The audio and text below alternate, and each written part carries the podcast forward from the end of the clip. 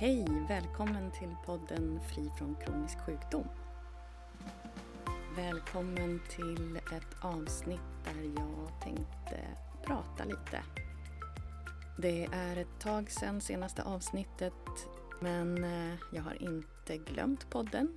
Jag tycker fortfarande att det är väldigt viktigt att kunskapen om neuroplastiska tillstånd sprids.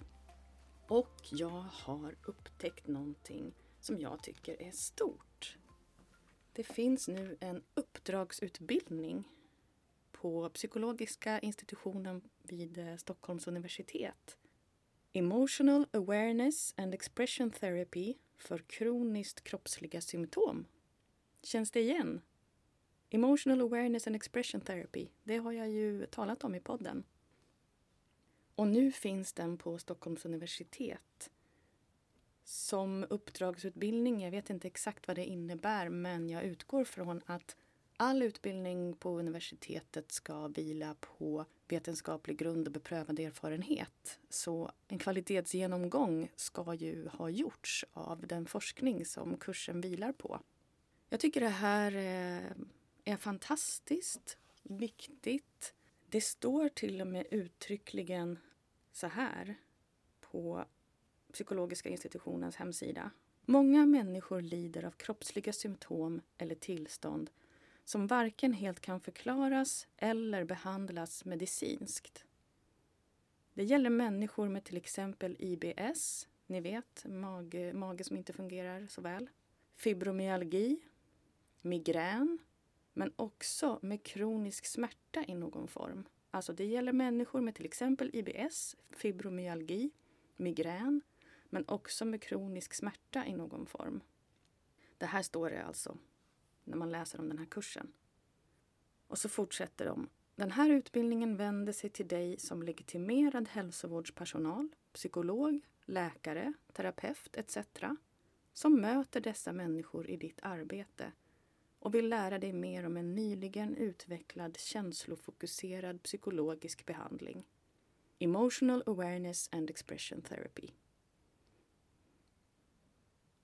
Man nämner alltså här IBS och vi har ju talat tidigare om eh, medicinskt utbildade experter som menar att det absolut bästa sättet att behandla IBS är just genom att jobba med hjärnan eller hur man ska uttrycka det att magen i allra högsta grad hänger ihop med nervsystemet, hjärnan.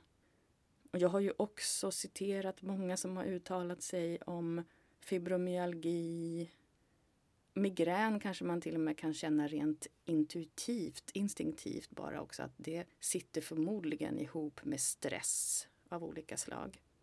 Det här med kronisk smärta, det är ju svårt att ta till sig för när man har himla ont någonstans i axeln eller ryggen eller det kan vara tänderna till och med. Då har man så himla svårt att ta till sig. Det, det gäller ju mig själv, jag talar för mig själv här också. Att det skulle ha att göra på något sätt med att man är spänd eller liksom i fly, fäkta, frys eh, status. Så att jag, jag är jätteglad för att alla de här tillstånden verkligen nämns. IBS, fibromyalgi, migrän, kronisk smärta i någon form. Och jag tänker också, det här är mitt eget tillägg, när man skriver fibromyalgi så tänker jag att då kan man också tänka sig att den här behandlingsformen även hjälper närliggande tillstånd som eh, i alla fall vissa då med eh, ME, CFS, alltså kronisk trötthet, Ehlers-Danlos, eller hur det uttalas, alltså överrörlighetstillståndet och eh, andra närliggande. Det, för mig ligger det väldigt nära till hands att anta att de också kan behandlas på det här viset. Och det här har jag ju talat om förr. Klart är i alla fall att det här har hittat in på Stockholms universitet och det är ju fantastiskt. Dels för att nu kommer fler patienter som jag som lider av smärta smärta i kroppen, migrän, IBS, fibromyalgi.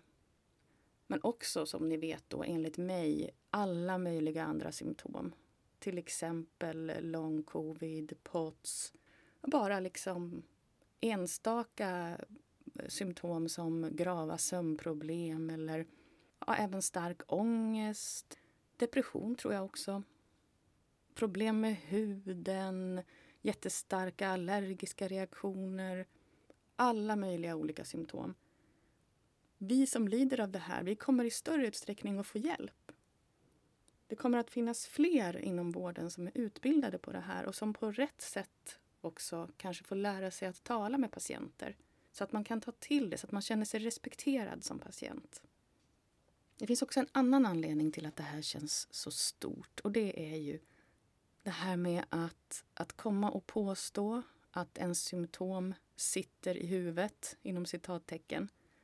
Vi har ju talat om hur svårt det är och vi har hört eh, läkare, specialister av olika slag. Vi har hört eh, smärtpsykologer och andra som har fått frågan just hur sjutton tar man upp det här med patienter utan att de stänger sig för att de blir förolämpade eller känner att man inte är seriös som behandlare. Det här är ju någonting som verkligen ligger nära i mitt medvetande hela tiden. Att göra en sån här podd när man har den här personligheten som många av oss har, tror jag. Att eh, man inte vill uppröra någon, man vill inte vara kontroversiell. Då, ja, det är, det är ett svårt ämne. Och samtidigt så vill jag så himla gärna nå folk som jag som skulle kunna må bättre om de fick den här kunskapen. Jag känner ju att en sån här grej, som att en sån här kurs hittar in på Stockholms universitet betyder mycket för legitimiteten. Jag tänker att vi som är övertygade om det här, eller intresserade, vi behöver inte övertyga. Jag har en känsla av att det här är en, en utveckling som många gör. I början så blir man helt uppfylld av det här. Tänk och så otroligt många som lider av kroniska besvär av olika slag. Tänk om de bara visste det här. Och sen så går man på, får man sig några törnar och så bestämmer man sig för att nej, men jag söker inte upp folk som inte vill höra det här. Och jag tror att det är smart för att må så bra som möjligt att inte personligen ha som mål att övertyga så många som möjligt. Det spelar egentligen ingen roll, försöker jag tänka, om det finns en sån här utbildning på Stockholms universitet och mm, hur många hjärnforskare som är övertygade om de här sambanden. Jag vet vad jag vet. Jag har upplevt det själv i min kropp. Det visar sig att det spelar ingen roll om en hjärnforskare i egen hög person försöker sprida kunskap om sin egen forskning som, som är helt belagd. Det kommer alltid att ifrågasättas. Själva den här idén är så provocerande. Och där kan man spekulera i olika orsaker. Men eh, vi kan också nöja oss med att bara konstatera att vi behöver inte övertyga alla När man är redo är man redo. Och det är klart att det inte alltid är så att det är nervsystemet eller hjärnan som ligger bakom alla våra sjukdomar. Inte så direkt i alla fall. Men eh, jag tror ju att det ganska ofta är så. Men det är ingenting som åligger mig att informera alla om. Jag behöver inte ta den fighten. Jag vet inte om du upplever samma sak, kära lyssnare. Men för mig har det här... Det här är skönt att landa i. När vi börjar förstå exakt hur stor floran är av symptom, olika tillstånd och syndrom som orsakas på det här viset så är det en så skön känsla, tycker jag, av att världen inte är lika farlig längre. Det är klart att jag kan drabbas av sjukdomar och mina nära. Men jag har ändå någon slags... Jag har ett mycket större lugn nu. Och det kan räcka så. Och sen kan vi som är intresserade av det här, vi kan vila i det vi har tagit in och lita på att den som behöver hitta oss gör det när tiden är mogen.